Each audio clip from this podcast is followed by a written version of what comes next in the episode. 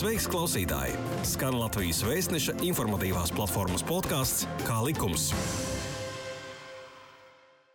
Labdien! Mani sauc Inese Helmane. Šodien uz sarunu esmu aicinājusi Finanšu nozares asociācijas padomnieku Edgars Pastaru.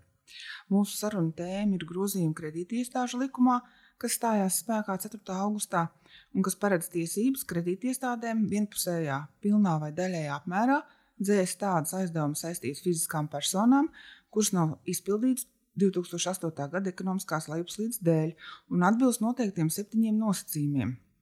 Lai dzēstās saistības parādniekam neradītu arī nodokļu no samaksas pienākumu, tiks veikt grozījumā, grozījumi arī likumā par iedzīvotāju ienākumu nodokli.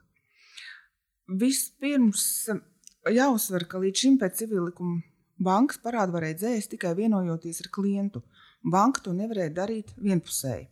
Tagad tas ir iespējams vienpusēji. Kredīti iestāde to var darīt, neprasot parādnieku piekrišanu. Cik saprotu, ar daudziem parādniekiem ir bijis grūti sakontaktēties, un šādu parādu atlaišana atvieglos bankām dzīvi, ļaus sakārtot bilanci. Vai šādi bija grozījumu, um, lik, likuma grozījumu mērķi?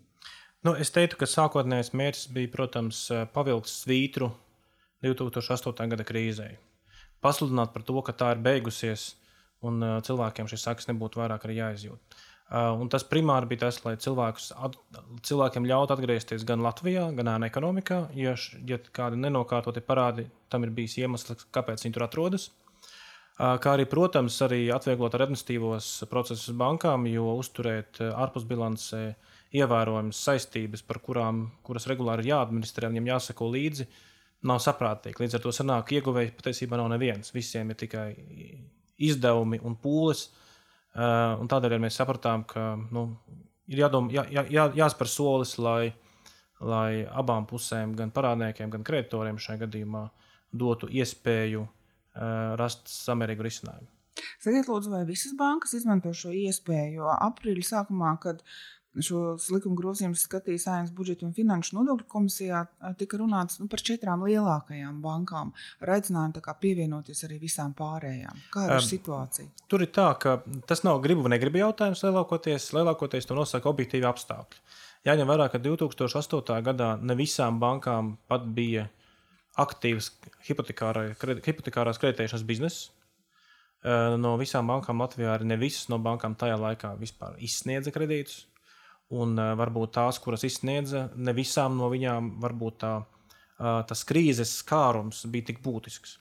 Nu, piemēram, ja mēs skatāmies atsevišķām bankām, kuras tajā laikā bija, kā piemēram, Pareks banka, kura tika sadalīta labajā un sliktajā, līdz ar to bankai, kurai pārgāja labais portfelis, tā teikt, labā banka, arī šī problēma kredītportfelī ir daudz, daudz mazāka. Ir bankas, kurām šī, šī problēma kredītportfelī ir daudz lielāka. Līdz ar to, to Kritērija, kura banka darīs, nedarīs, nosaka objektīvā realitāte, cik daudz šādu parādu viņu bilancēs vispār ir un cik daudz pa desmit gadiem ir spēts sakārtot. Tādēļ eh, es teiktu, tāpēc mēs runājam pārsvarā par lielākajām bankām un pat visām četrām lielākajām bankām. Katrai situācija ir atšķirīga. Un arī tur tas apjoms vienā vai otrā būs pilnīgi citādāks. Mm. Laikam ir jānosauc šīs četras bankas. Tas ir Svetbanka, Luminor, Sebbanka un, un Citadelas banka. banka. Un katrai no viņiem arī situācija ir atšķirīga arī vēsturiskā konteksta dēļ, piemēram, Citadelas bankai. Uh, un, un katra banka arī izvēlējās savu pieeju, kā viņa šos parādus vada uh, šo vairāk kā desmit gadu laikā. Līdz ar to arī es teiktu, lēmumu nosaka tas, kādi ir skaitļi. Nevis vai, vai banka gribēs vai negribēs. Drīzāk jau šo iespēju izmantos visi, kuriem tāda vajadzība būs. Mhm. Aprīļa sākumā tajā pašā saimnes komisijā tika arī minēti skaitļi, uz ko tas attiecās. Tātad tas varētu attiekties uz 13,000 parādnieku un kopējais parādu saistību apjoms. Tajā tolaik tika nosaukts 600 miljonu eiro. Uh, un turklāt tas ir krietni vairāk nekā desmit gadu laikā ir izdevies dažādās maksātnespējas un vienošanas ceļā dzēs saistību apjomu. Vai šie iepriekš minētie, pirms pusgada minētie skaitļi atbilst faktam? Uz likuma grozījuma stāšanās dienu nav nekas mainījies. Tas tā arī ir. Ne, tādas summas tik būtiski nekāda izmaiņa nav. Pat ja ir izmaiņas kādās niansēs, varbūt nelielos, teiksim tā, nelielas nobīdes vienmēr iespējams, bet kopumā skaitļi ir tādi, kādi viņi ir. Es tikai vēl palabošu, varbūt tie 8000 parādnieki un 5000 galvenieki. Uh, un, un, un tie, tie tās ir šīs personas, kuras tas var primāri skart. Un jums arī, kā jūs arī pareizi norādījāt, tad uh, mēs arī secinājām, ka līdz šim maksātnespējas process, kas ir diezgan sāpīgs un dārgs parādniekam, viņu, viņā ir spēts dzēst. Labi, ja trešdaļa no šīs 600 miljonu summas, ja tā teikt, tad jau kopējā summa atgūšanā sākotnēji bija 873 miljoni, tad um, maksātspējā, maksātnespējas procesā un individuālu vienošanās kārtībā tad nodzēs tikai gandrīz nedaudz vairāk par 260 miljoniem. -hmm. Vidējais aizdevuma lielums, kurš bankām ir, bija jādzēš, bija 40,000 eiro apmēram. Tāds tas arī ir pat labi. Ja? Tas, tad, Jāteic, tā ka, tā, ka, tas, ka tas parādu portfelis nav ļoti homogēns. Vidēji tiešām tā arī apmēram ir, bet ir arī aizdevumi, kur atlikumi ir arī 200 un 300 tūkstoši eiro. Uh, uh, vai pat, pat vairāk, bet šādu cilvēku ir ļoti maz. Uh, tiešām ļoti maz. Savukārt, vidēji jā, šis, ir, šis aizdevuma cipars svārstās no 10 līdz 40 tūkstošiem vidēji šis atlikums. Mhm. Uh, bet, kā jau teicu, toreiz 2006. un 2008. gadā gan uh, kredīti bija dažādi, gan arī tās, tās nelaimes, kas sekoja pēc tam, bija katra ar savu stāstu. Uh, tādēļ arī tās summas var būt ļoti atšķirīgas. Sakiet, lūdzu, ir tagad nu, likums, likuma grozījums stājās spēkā 4. augustā, ir nu, aptuveni pagājušas divas nedēļas. Kas ir noticis par šām divām nedēļām? Kāda summa ir dzēsta tie parādi? Jā, tas ir labs jautājums. Tā doma ir tāda, ka bankas jau nedzēsīs tos parādus tā, nu, tā pa, pa, pa nedaudzam, tā skaldot, tad kaķim asti pa drusciņai. Tā doma jau ir tāda, ka no liko likums saka, ka banka no sākuma pieņems politiku kurā veidos gradāciju, kā šī dzēšana notiks, kurā, kurām personām tur nolabrosim labticīgos no, no ļaunticīgajiem, skatīsimies par sociālo statusu. Un tad, kad šī politika ir pieņemta, tad sāksies viņas īstenošana. Mēs varētu teikt, tā, ka šī, šīs divas nedēļas noteikti nav tādas, par ko mēs varētu ziņot par kādiem konkrētiem rezultātiem. Skaidrs, ka šajā pusgadā arī galvenie lēmumi tiks pieņemti tieši līdz šī gada beigām mēs arī paredzam, ka, ka visas bankas šo procesu varēs arī pabeigt. Un varbūt pat tie divi gadi, kad likums dod, nebūs jāgaida. Varbūt tur paliks kādi atsevišķi ļoti, ļoti specifiski gadījumi. Bet uh, pirmie lēmumi sekos drīz, uh, un ne visas bankas darīs uzreiz. Bet jā, pusgada laikā, cik mums ir informācija asociācijā, tad pusgada laikā visi galvenie lēmumi tiks pieņemti. Viņi tiks pieņemti tā kā masā, ja tā var teikt. Uh, sadalot parādniekus pa grupām, pēc attiecīga procenta vai kā citādi, un, un tad arī izziņojot šos lēmumus, kā likumā ir noteikts tādā pat kārtībā. Uh, līdz ar to jā, šīs divas nedēļas nav tā, ka mēs tā pa vienam klientam tas būs drīzāk tāds. Tāds apjoma lēmums, ja tā var teikt. Mm -hmm. Viens no septiņiem kritērijiem, lai tiktu dzēsta parāda saistība, ir tas, ka nodibinājumi Nu, nu, aizdevuma līgumam bija jābūt noslēgtam līdz 2008. gada 31. decembrim. Tātad tāda saistība beigu datums ir zināms, bet nav zināms, ar kuru datumu varētu uzskatīt par sākuma datumu, kad var pretendēt uz parāda atlēšanu. Uh, šeit pirmkārt cilvēkam nav jāsniedz nekāds iesniegums vai kaut kur jāpretendē. Tā kā banka vienpusē izvērtē savu kredītu portfeli, un šajā gadījumā to daļu, kas ir tā sauktie sliktie, sliktie kredīti, jeb tie, kas ir norakstīti jau ārpus bilancē, kā, kā neporfirmējuši kredīti, Un uh, tad arī banka vienpusēji pieņems lēmumu un par to paziņos, uh, tā kā likumā tas ir noteikts. Šeit personai nav nekur jāpretendē. Svarīgākais, ka parāds, jā, ka šis līgums ir stājies spēkā līdz šī 8. gada beigām, un, uh, un parāds arī var rasties ar nedaudz vēlāk, 9. gadā.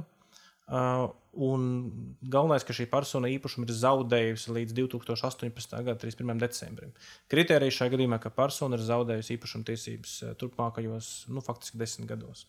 Mhm. Lai dzēstu parāda saistības, tad ir tie septiņi kriteriji, bet vai jūs varat pateikt, kas ir tomēr tie kriteriji, kurām uh, pamatoties, ko bankas tomēr nevar dzēst to parādu? Kas ir tas klupšanas akmens varbūt no tiem septiņiem nu, nosacījumiem? Nu, primārais, primārais, protams, šeit ir termiņi, kā jūs teicat, kad līgums stājās spēkā, un, un kā, kāds, kas, kas ir tā teikt, kad ir zaudēts īpašuma tiesības un tam līdzīgi, bet ja mēs skatāmies nedaudz ārpus formāliem kritērijiem, tad, protams, tā var būt maksātnespēja, ja ir aktīvs maksātnespējas process vai arī pabeigts maksātneses process. Nu, ja viņš ir pabeigts, laikam tā varētu nebūtu situācija, bet ja viņš ir aktīvs, tikko uzsākts, varbūt, tad arī tad iespējams, ka arī tad var, tas formāli pēc likuma ir šķērslis, bet uh, mēs esam arī diskutējuši ar, ar kolēģiem par to, ka varētu būt arī iespējams, ka arī aktīvos maksātnespējas procesos kreditors kādā no posmiem varētu precizēt savu, savu saistību apmēru, ko viņš piesaka. Un arī šīs personas varētu varbūt arī iegūt no tā, ka pat ja viņam ir aktīvs maksātnespējas process, ka viņam arī jau šajā procesā kreditors atkāpjas no sava, sava, sava, sava visas summas, ko viņš bija sākotnēji pieteicis. Uh, bet tas jau vairāk tāds piemērošanas jautājums. Praktiski tas, kas varētu būt galvenie gadījumi, ir parādnieka ļaunprātība. Ne jau ļaunprātība tādā ziņā, ka viņš nemaksā, jo ir skaidrs, ka viņš nemaksā objektīvi iemeslu dēļ, ka viņš nevarēja samaksāt, ja nebija darba. Uh, un tādēļ uh, ekonomiskās krīzes rezultātā, un tādēļ arī šīs saistības um, viņš nevarēja nokārtot. Bet tie drīzāk būs, ka īpašums tika bojāts. Uh, bieži vien atstājot bankai šo īpašumu ar tukšas sienas, pat bez logiem un tam līdzīgi. Citiem vārdiem sakot, skatīsimies uz, uz parādnieku ļaunprātību, ko var redzēt pēc, pēc, arī pēc fiksācijas, kas notika pēc fakta toreiz 2008. un 2009. vai vēlākajos gados. Uh, Tāpat varbūt arī šos parādniekus diferencēs pēc kāda sociālā statusa, dodot, dodot lielāku priekšrocību ar lielāku dzēšanas summu tieši noteiktām sociālām, mazāk aizsargātām grupām, ja banka spēs to identificēt konkrēto parādnieku gadījumā. Tā tāda iespēja arī varētu būt. Parādi varētu netikt dzēsti simtprocentīgi, to arī mēs saimnes komisijā teicām, ka atkarībā no grupas tie var būt 90%, varbūt arī 80% kaut kādos gadījumos, kur, kur šis, šī hipoteka nodrošināja kādas biznesa vajadzības, tā summa varētu būt citādāka arī, ne tik liela. Tā kā šeit ir jānorobežo situācijas, lai maksimāli nodrošinātu taisnīgumu personām. Nu, jūs gan teicāt, ka nu, persona nevar pretendēt uz to parādu atlaišanu, jo tas ir labprātīgi no bankas puses. Bet tomēr, ja, kā parādnieks uzzina, vai viņam dzēš visu, uh, parādu vai tikai daļu, nu, tad tomēr viņam ir to banku jākontaktē. Ne, tur var būt divas lietas. Pirmā lieta, ja persona šobrīd liekas, ka viņa, gat, viņa gribētu nokārtot šo jautājumu vienošanās ceļā, viņa jebkurā brīdī var doties uz banku un noslēgt vienošanos tā, kā abas puses par to vienosies. Šodien, un neatkarīgi no šiem likuma grozījumiem, viņa, šī persona to bija varējusi desmit gadu laikā, un jāteic, ka banka šādā vienošanās kārtībā, kad klients pats piesakās, un banka to pat izsludinājusi kā iespēju savās mājaslapās, vairākas bankas. Un tad viņi noslēdz vienošanos, un šādā veidā bija dzēsta 60 miljonu eiro apmēram parādos. Tā kā šāda iespēja vienmēr pastāv, vienoties vienmēr ir labāk nekā kaut ko darīt vienpusēji. Bet, ja tomēr uh, ir tāda lieta, ka, banka, ka vienošanās nav un klients arī bankā nav ieradies, un nebūtu arī pareizi teikt, ka klients var pieprasīt vienpusējo dzēšanu. Klientam tāda tiesība kaut ko pieprasīt nav. Klients var pieprasīt, ka mēs gribētu sākt sarunas par vienošanos. Kā klients uzzinās par šādu vienpusēju lēmumu? Likumā ir teikts, ka klients uzzinās tādā veidā, ka jebkurš arī mēs kaut vai šobrīd šeit esot, varam aplūkot savu, savu, savu, savu, savu parādu vēsturi attiecīgajās datubāzēs. Tas izdarāms bez maksas. Nu kredīta reģistrā vai kredīta informācijas birojā.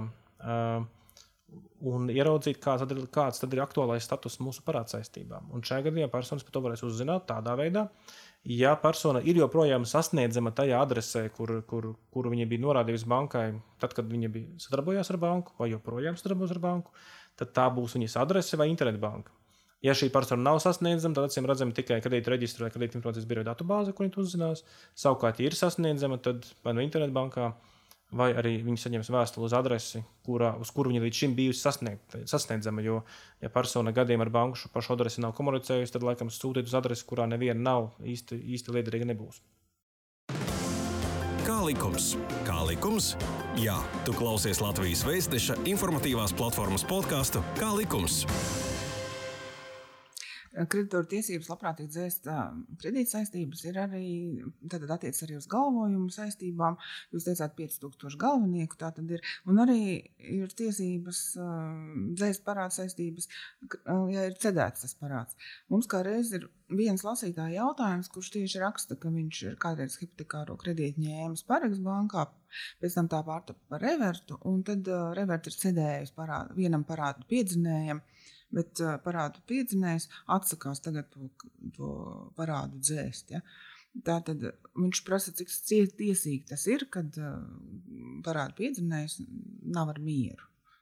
Nu, tā var būt. Sāksim varbūt ar to, ka šajā likumā ir norma, kas saka, ka ja, šo, ja banka šo parādu ir cedējusi, tad uh, tas parāda atguvējiem un parāda atguvējs vēlas izmantot šo vienpusēju dzēšanas mehānismu. Viņiem tādas tiesības ir. Tādas tiesības nav tikai bankai, bet arī parāda atguvējiem. Uh, tas ir pirmais punkts. Un arī šajā gadījumā nodokļu konsekvences neiestājas. Tas, kas varbūt ir nianse, ir tā, ka Parāda atguvēji to var nevēlēties darīt. Viņiem, visticamāk, vēlēsies vienoties ar attiecīgo personu. Un es domāju, tas būtu arī jārunā, jo jāņem vērā, ka vidēji parāda atgūšanā nu, tā summa, ko atgūst par atguvējs, jau parasti nav 100%. Nu, ja statistiski skatās, tad, tad ir 7 līdz 20%. Varbūt tur tās summas nav tik ievērojamas. Tad līdz ar to svarīgākais ir sākt sarunas ar parādu atguvēju, kas ir tie nosacījumi, uz, kād, uz kādiem šis uh, parādu atguvējs ir gatavs varbūt vienoties ar, ar šo attiecīgo parādnieku. Jāteic, ka lielākās bankas Latvijā, kas darbojas, viņas, nu, viņām nav pamatpolitika cedēt hipotekāro kredītu parādu atlikumus. Ir, ir gadījumi, kad tā notiek, bet tā nav bijusi sistēmiska prakse. Uh, jā, reverta gadījumā, Pārēkas bankas uh, gadījums, tad, tas arī ir lielākais, kas šajā gadījumā ir. Arī Krājbankas gadījumā iespējams, ka kādi šādi uh, parādu atlikumi ir. Uh, jāteic, ka no cilvēku skaita tie 1600 parādnieki un apmēram 1000 galvenieki, kas ir cedētie. Nu, tad viņiem ir jārunā ar savu parādu guvēju, vai viņi ir mieru, vai viņi ir mieru vienoties ja arī parādguvējs secinās, ka viņu kredīts viņam ir nasta pēc būtības, kuru viņš, viņš skaidri zina, ka tur atgūšanas iespējamība ir nulle, tad viņš arī izmanto šo vienpusējo dzēšanas tiesību. Cik man ir bijusi informācija, tad ir, ir parāda atguvēji, kas arī ir ieinteresēti un plāno domāt par šo vienpusējo dzēšanu. Jautājums, kādā veidā un cik daudz tas būs, es pieņemu, ka tas būs mazāk nekā bankām. Maz, maz, mazāk izplatīta praksa nekā bankām. Mhm, tātad parāda piedzinēja ir tiesīgi, tātad labprātīgi nevienoties ar ar parādnieku. Protams, un arī banka līdz šim teorētiski varēja nevienoties ar parādnieku. Jo varbūt, ja kāds saka, man vajag tur nodzēst 100%, bet redzam, ka varbūt tur visi parādi saistīti ar kādu senniecisko darbību, iespējams, pat spekulatīvu, nu, tajā brīdī arī banka saka, ka nu, varbūt nu, mums ir kaut kāds, jums ir kaut ko nopelniet kādreiz no šī biznesa, un tas bija biznesa, tas nebija viena primārais mājoklis, piemēram. Šajā gadījumā skaidrs, ka parādātguvējs šo, šo parādu ir nopircis, par to ir samaksājis. Uh, un viņš noteikti vēlēs kādu daļu no šī parāda atgūt. Tāpat arī, kā es teicu, banku dzēšanas gadījumā visām personām simtprocentīgi jau viņi netiks tā vienkārši nodzēsti būs 90 vai 80% atkarībā no situācijas. Mm -hmm. Likuma, likuma grozījumos arī minēts, ka, ja pat labi jau ir noslēgta tāda savstarpēja vienošanās starp kreditoru un parādnieku, tad arī, un arī, ja šī vienošanās tika pildīta, tad arī ir iespējams dzēst tos parādus. Jā, par ja? tām vienošanās tā, tā likuma teksts ir tāds ļoti tāds, varbūt grūti saprotams viņu sākotnēji lasot, bet tā doma ir tāda. Līdz šim, protams, arī bankas ļoti plaši izplatīja šo, piemēram, Viena no bankām, Svetbanka mājaslapā, jūs atradīsiet tādu arī ierakstu. Nu, tad arī citu banku mājaslapās ir, bet es pēdējā laikā neesmu viņus skatījies. Tieši šo es skatījos nesen. Ja jums, piemēram, tur atlikums 36,000, jūs samaksājat 10% trīs gadu laikā no šīs summas un parāds jums tiek dzēsts. Šāda programma ir spēkā jau ilgu laiku. Tas ir banka aicina cilvēkus pieteikties, un to var izdarīt. Un, ja pirms, līdz šim būtu kāda persona tāda novienojusies, nu, kad tos 90% tagad es man dzēšu, un tos 10% cilvēks samaksās. Un tagad pēc šī jaunā likuma būtu tā, ka, ka šī persona, kas parakstīja šo vienošanos, iekrīt tajā grupā, kurai dzēstu simtprocentīgi šo, eh, šo aizdevumu, šo, šo parādu. Eh, un tajā gadījumā šī persona varētu pretendēt, ka kamēr šī vienošanās vēl nav izpildīta, tad viņa joprojām turpina maksāt bankai to, tos 10%. Tad viņai jānodzēš arī šie 10% vienpusēji. Tā kā, tā kā labvēlīga norma personām, ka, ja viņi iekļūst tajā simtprocentīgajā dzēšanas politikā, tad, tad un vienošanās vēl nav izpildīta, viņi joprojām ir procesā, tad viņi var pretendēt arī, tad gan viņi var sazināties ar banku, un viņi redzēs to bankas politiku bank, bankas mājaslapā, un tad sapratīs, viņi atbilst šiem kritērijiem, un tad arī var arī šo vienošanos pārskatīt. Mhm. Jūs arī minējāt, un arī Sēmas komisijā deputāti uztraucās, kā panākt to, lai šajā parādu norakstīšanas procesā neiekļūtu kredīti izkrāpēji un ļaunprātīgie nemaksātāji, tādi, kas izdemolē tos dzīvokļus, iznīcina, iz, nu, paši izraisa ugunsgrēku. Ja? Vai arī neadekvāti ir finansējuši savu luksus dzīvesveidu, piemēram, iegādājušies nevis vienu, bet piecus dzīvokļus un nodarbojas ar, ar biznesu, ar izīrēšanas biznesu. Ko bankas dara šādā gadījumā? Kad... Bankas zina savus klientus, arī tīpaši tos, kuri tām ir nodarījuši zaudējumus, ir tīpaši prettiesiskas rīcības rezultātā. Tādēļ viennozīmīgi personas, kuras, kuras bankai ir nodarījušas zaudējumus ar prettiesiskām darbībām, vai pret tām noteikti arī šī dzēšana neattieksies. Uh, savukārt par šo luksus dzīvesveidu finansēšanu vai, vai, vai teikt, bi, kredītu, kas ņemta biznesam, uh, tad tos jau vērtēs daudz individuālāk, un, un šī, šīs dzēšanas rādītājs apjoms varētu būt daudz mazāks vai nebūtu vispār atkarīgs no situācijas, kā vērt. Katru gadījumu bankas politika šādu mēģinās standartizēt, aprakstīt pa grupām un salikt tā, tā, tā teikt pa kastītēm, pa groziņiem, un tad pret šādām personām arī vienādi izturēties, kur ir katra savā groziņā. Svarīgākais ir panākt objektīvu kritēriju, kā sadalīt parādniekus pēc godprāta, pēc viņu līdzinājās darbības, un lai pēc tam varētu pieņemt taisnīgus lēmumus. Bet no visa tā parāda portfeļa, cik daudz varētu būt šādi negodprātīgi nu, mm, parādnieki, kas gribētu, lai viņiem dzēstu šo parādu? Šobrīd es tādu skaitļiem saturēšos nosaukt, tas noteikti nav vairākums. Tas ir, nu, teiktu, izteikts mazākums, bet arī šāds izteikts mazākums ir tāds, kurš šeit jāņem vērā, lai, lai šo taisnīgi nodrošinātu.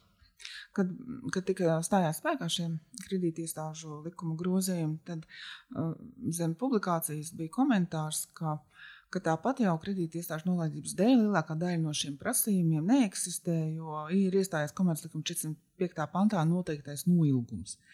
Vai tas tā ir, kā jūs to komentējat? Noilgumam sakarā būtu jāpasaka laikam uh, trīs, trīs punkti. Pirmais - komerclikumā minētais noilgums. Uh, tiešām ir trīs gadi, bet viņš tiek skaitīts saskaņā ar civilizāciju normām. Civilizācijas normas saka, ka noilguma skaitījumu pārtrauc atgādinājums. Un tiešām bankas šajos gadījumos ir atgādinājušas parādniekiem uz viņu līgumā noteiktu adresi vai kā nu citā, tas kādā kurā gadījumā ir bijis par to, ka saistība joprojām ir.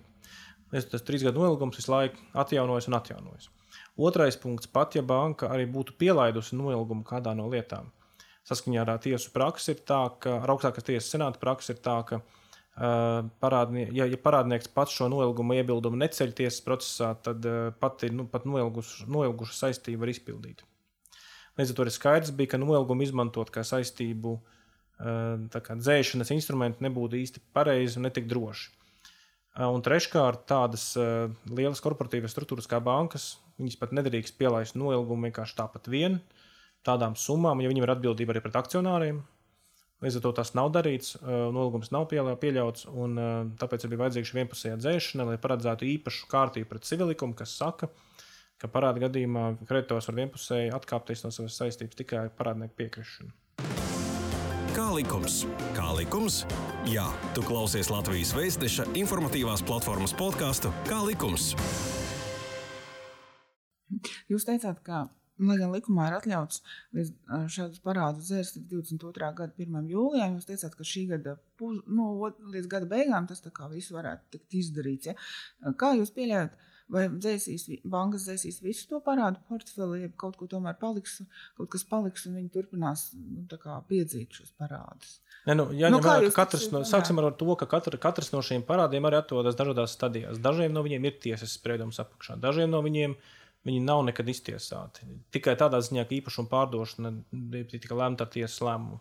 Bet pats atlikums, kas palicis pāri pēc šī īpašuma pārdošanas, ne, ne visos gadījumos šeit ir bijusi arī tiesvedība tālāk. Jo, ja personai nav aktīva, tad nav jēgas tērēt naudu arī tiesvedībai, nevienai, ne otrai pusē.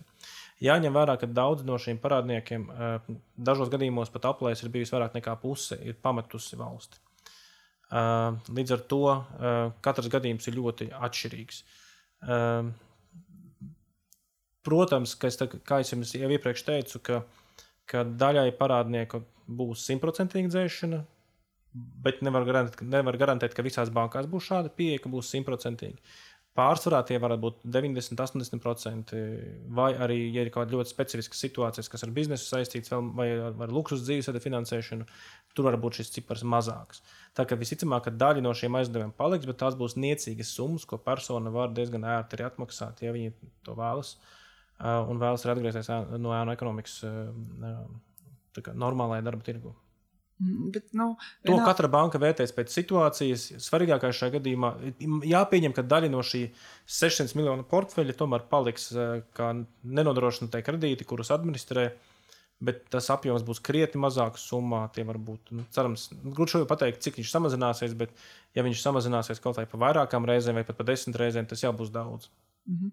Kopā ar kredītiestāžu likuma grozījumiem tika veikta arī grozījumi likumā par iedzīvotāju ienākumu nodokli, lai parādniekam neradītu nodokļu samaksas pienākumu. Tur arī bija vairāk kritēriju, pēc kādiem tad, uh, tika varē, varēja šos parādus atlaist. Varbūt jūs pastāstīt par tiem. Jā, tā šobrīd ir liela problēma kopumā. Uh, jo, ja mēs tā globāli raugamies no ienākuma nodokļu likuma perspektīvas, tad jebkurš parādnieka piedevums, uh, kreditora piedevums parādniekam, ja parāda dzēsums, tiek uzskatīts par dāvanu ienākuma nodokļu izpratnē, un līdz ar to tiek aplikts ar ienākuma nodokli.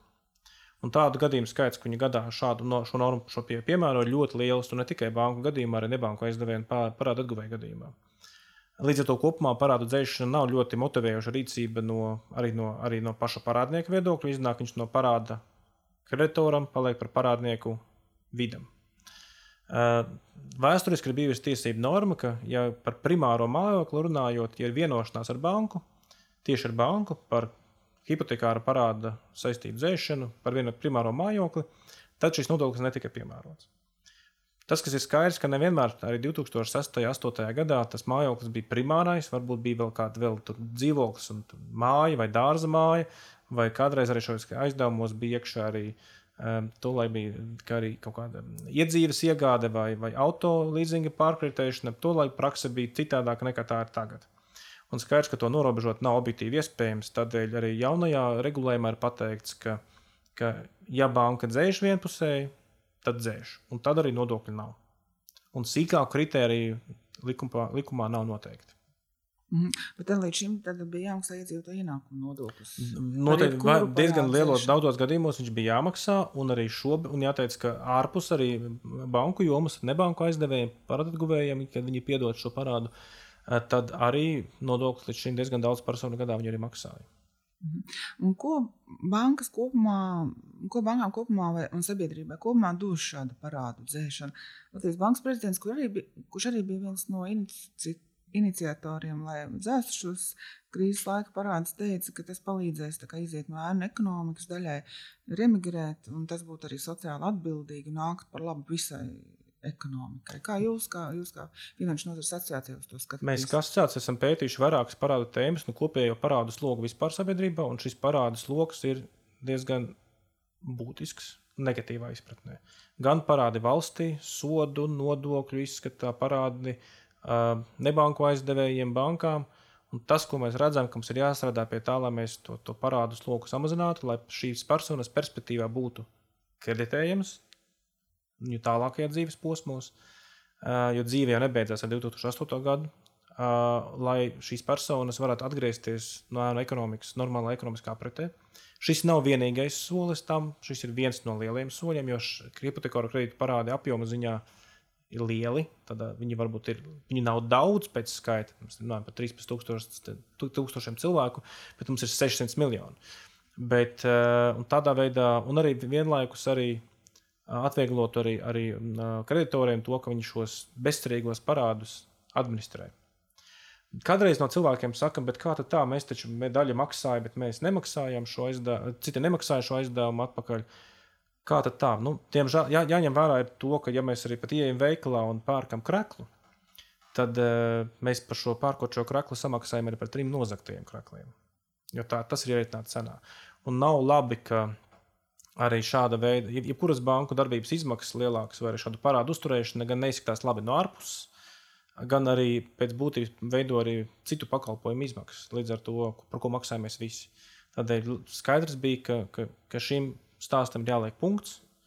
Astotā gada krīze ir beigusies, un, un mums jādomā par jauniem ekonomiskiem saviņojumiem, kas nāk šobrīd ar Covid krīzi, kur šobrīd jau mēs esam atlikuši uh, fiziskām un juridiskām personām kredīt saistības apmēram 1 miljardu eiro apmērā. Uh, tas nozīmē, ka mēs nevaram ieiet arī vienā ekonomiskā atrisinājumā ar iepriekšējā bagāžu. Uh, tas arī bija viens no tādiem. Arī. Tas sakrita laika ziņā, uh, bet tas, zinām, arī šī, šī Covid krīze pasvītro to, ka šī izvēle kopā ar Latvijas Banku gada sākumu bija pareiza. Tie, mēs nevaram iet vienā krīzē ar iepriekšējās, iepriekšējās bagāžas. Bet jūs jau šo pandēmijas laiku redzat jau ar to vienu miljardu eiro apmērā atliktiem saistību maksājumiem jau kā krīzi, nākamo krīzi? Nē, mēs redzam, mēs redzam ka ekonomiskā, ekonomiskā lejupslīde ir, un tur, tur, tur skaiti rāda, ka laikam nav, nav šaubu. Bet vai, vai, mēs, vai mēs redzam, kā, cik daudz no šiem, mm, kredit, parād, šiem aizņēmējiem atkopsies un atgriezīsies grafikā, to šobrīd ir pāragri teikt. Tas būs atkarīgs no tā, kā attīstīsies situācija rudenī. Jo šīs viens miljards ir gan juridiskās, gan fiziskās personas. Uh, bet tas parāda to, ka nu, lielā mērā lēmums gada sākumā šo procesu iekustināt bija pareizs, lai, lai vissliktākajā scenārijā mēs nedabūtu kā, kumulatīvu efektu.